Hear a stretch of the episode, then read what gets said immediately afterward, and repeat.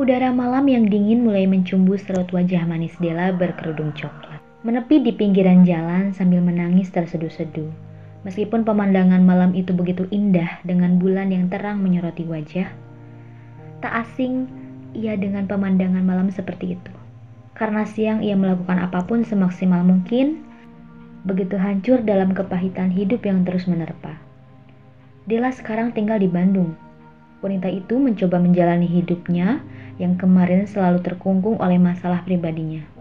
Yang bukan hanya meninggalkan keluarga, namun ia meninggalkan sejuta cerita di kampung halamannya, meraih apa yang sudah ia dambakan selama ini. Namun berbeda jauh dari yang Della bayangkan. Kota ini begitu indah ia tinggali, tempat yang terang dengan kalam-kalam ilahi, tempat yang ramah untuk disinggahi. Ia semakin yakin mencoba mencari jati diri dan kehidupannya di sini berharap sebuah kebahagiaan membingkai dirinya menuju apa yang dia harapkan. Ya, sebagai orang berdarah Sunda yang datang menuju kota Paris Panjapa, apalagi yang harus dia siapkan. Dila sangat berbaur dengan kultur yang tidak jauh berbeda dengan kampungnya yang merupakan khas akan nuansa islami dan keramah tamahan.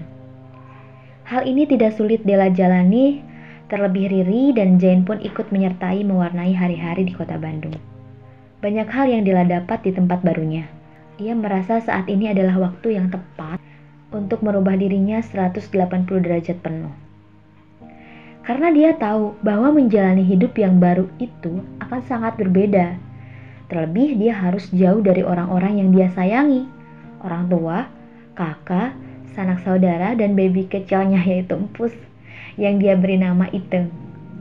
Della penyayang kucing juga tak banyak orang mengetahui seberapa cinta dia sama binatang peliharaannya. Namun demi cita-cita, dia berusaha bisa meninggalkan semua itu. Aku merasa akan bahagia Ri di sini, ujarnya. Aku merasa ada ketenangan yang menghampiriku saat ini.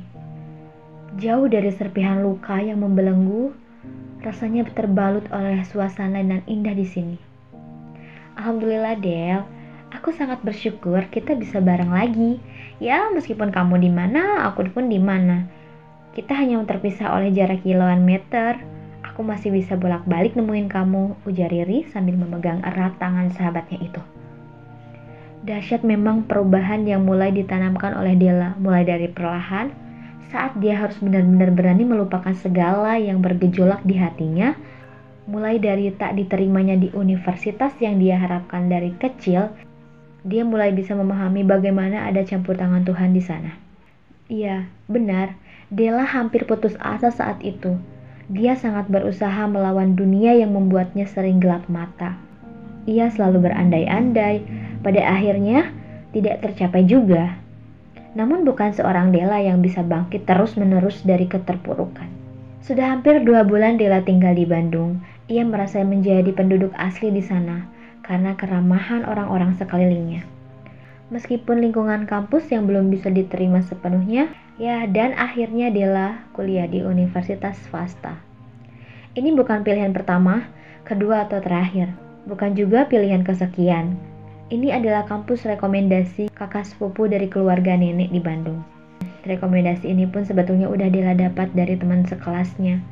Jadi sebetulnya dia nggak asing dengan kampus ini Suasana kampus yang tidak terlihat elit dan tidak terlihat biasa membuat Della berusaha menerima akan takdir yang sudah ditetapkan Sang Maha Kuasa. Ia beranikan diri untuk menyelami dunia yang baru. Tidak mudah memang pergaulan yang semakin terlihat berbeda mulai ia rasakan. Masih dikata wajar. Wajar ikut main sekali, dua kali, dan malah jadi kebiasaan main-main sama teman-teman baru.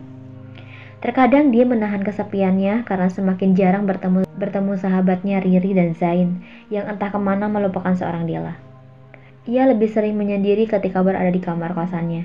Beruntung sekali dia tinggal di kosan yang cukup lumayan besar untuk dia tinggali berdua bersama teman sekampusnya yang baru saja ayahnya kenalin pas ospek.